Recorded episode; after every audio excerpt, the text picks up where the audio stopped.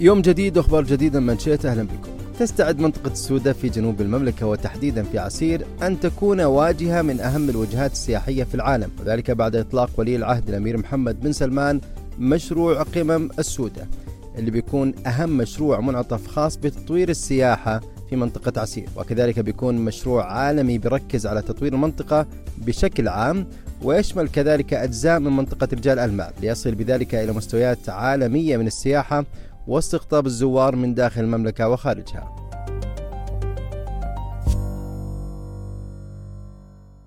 بالنسبة للمشروع راح يضم ست مناطق رئيسية اللي هي تهلل، سحاب، سبرة، جرين، رجال، الصخرة الحمراء واللي بيكون لها أثر اقتصادي طويل المدى من خلال جمع الضيافة الفاخرة بالتراث العريق والثقافة وبيتم تقديم الكثير من التجارب والرياضات الجبلية مثل الطيران الشراعي والجولف وال zip line وغيرها. منطقة السودة تتميز بارتفاعها عن سطح البحر بمقدار 3000 متر وهذا الشيء كفيل بأنه يخليك تتخيل الأجواء كيف بتكون فيها لأنها معتدلة وممطرة على مدار السنة وأهلها ما يعرفون الحر وفيها أكثر من 400 نوع من الأشجار وأكثر من 280 نوع من الطيور المهاجرة والمعروفة بأنها موطن للغزلان بحكم طبيعتها وهي نفسها اللي تغنوا فيها كثير من الناس والأكيد أن أشهرهم أبو نورة.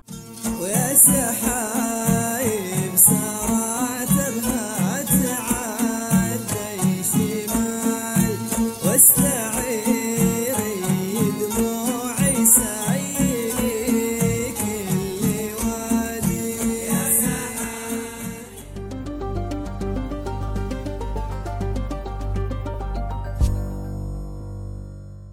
بعد هذا الموضوع خلونا نذكركم بأبرز الأحداث والفعاليات التي تقام في المملكة. ينطلق غدا معرض الصيد والصقور تحت ترقب محبيه ولمدة تسعة أيام.